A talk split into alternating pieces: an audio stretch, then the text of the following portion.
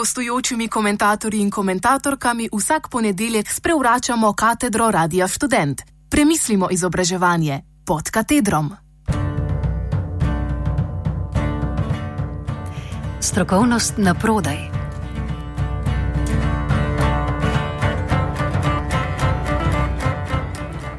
V podaljku je doslej veljalo, da je bolan tisti, ki o svoji bolezni pridobi strokovno mnenje zdravnika.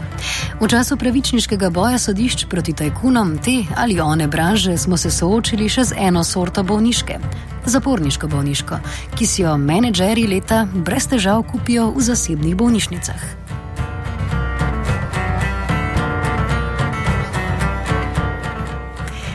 Čeprav razen Petra Krčmar najbrž nihče ne dvomi, da je Igor Bavčar res bolnik in da ima slabo srce, se pri dotičnih primerjih precej upravičeno pojavljajo dvomi o strokovnosti zdravniške odločitve.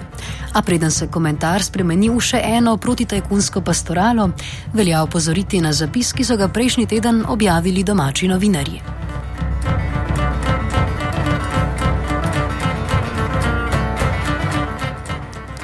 V novici o Bavčarjevem skrivanju v medijev Korju so ob koncu povzeli še sporočilo sestanka vodje bolnišnice Medke Zorc z nadzorniki. Ti so glede Bavčarjevega primera dejali, citiramo, da sestanek sicer sploh ni potreben, saj ji, Medki Zorc, popolnoma zaupajo in sami niso tam zato, da bi preverjali zdravniške odločitve, pač pa le poslovanje. Konec citata.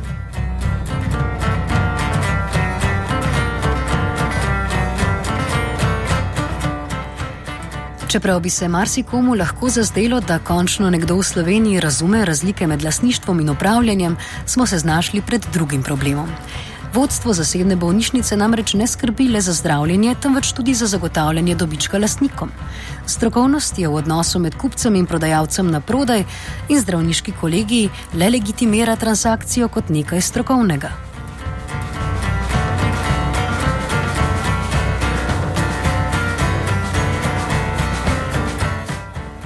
Na tej točki postane reč zanimiva tudi v kontekstu visokega šolstva.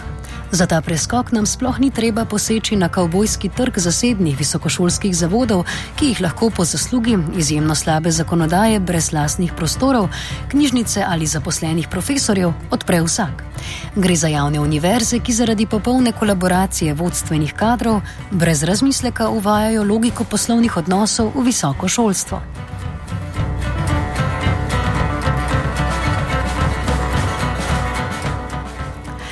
Lep primer tega načrtujejo na Ljubljanski univerzi, kjer osnutek novega statuta na upravni odbor kot poslovodni organ prenaša precej pristojnosti senata, ki naj bi sicer branil strokovnost.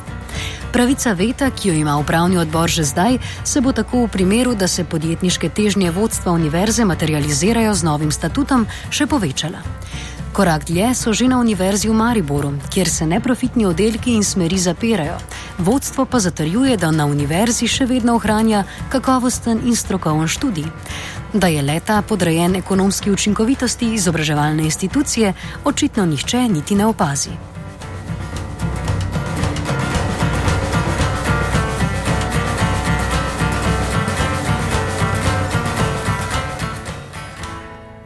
Najbolj žalostno pri vsem pa je, da so se med tem, ko zdravniško združenje in Ministrstvo za pravosodje že pripravljata spremembe zakonodaje, da se bodo takim zlorabam strokovnosti izognili, te v visoko šolstvo šele začeli uvajati.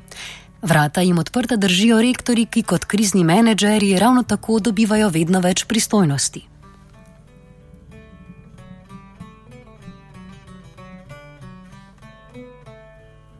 Podobno se dogaja z Nacionalno agencijo za kakovost visokega šolstva, ki, čeprav le z birokratskimi vatli, vseeno edina podeljuje koncesije za visokošolske programe. Na kvisu se počasi izteka evropsko projektno financiranje. Država oziroma Ministrstvo za izobraževanje, znanost in šport pa tega bremena noče prevzeti nase. Fakultete bodo tako v odnosu do za zdaj še strokovne agencije spet kot kupec v trgovini, saj bo nakvis fakultetam zaračunaval akreditacije programov. In če se danes vsi zgražamo nad to vrsto strokovnosti v svetovnih bonitetnih agencijah ali v izolskem medikorju, zakaj je tako težko razumeti, da bo uveljavljanje to vrstne profitne logike visokemu šolstvu prineslo popolnoma enako degradacijo?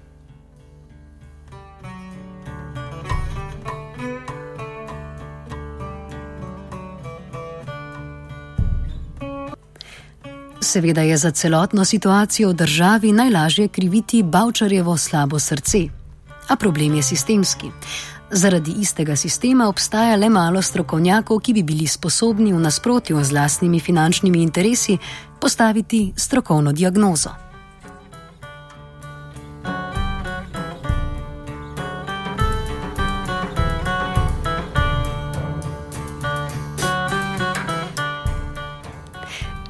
Komentar je pripravil Arne.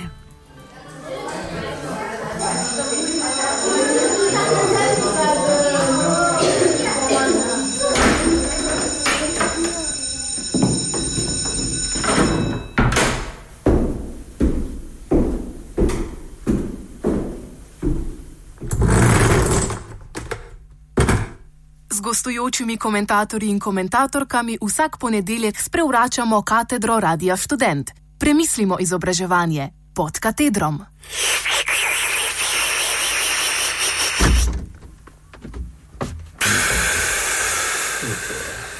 Fino. Kaj imaš to? Stari. Kva pa je to pida? Indor reš.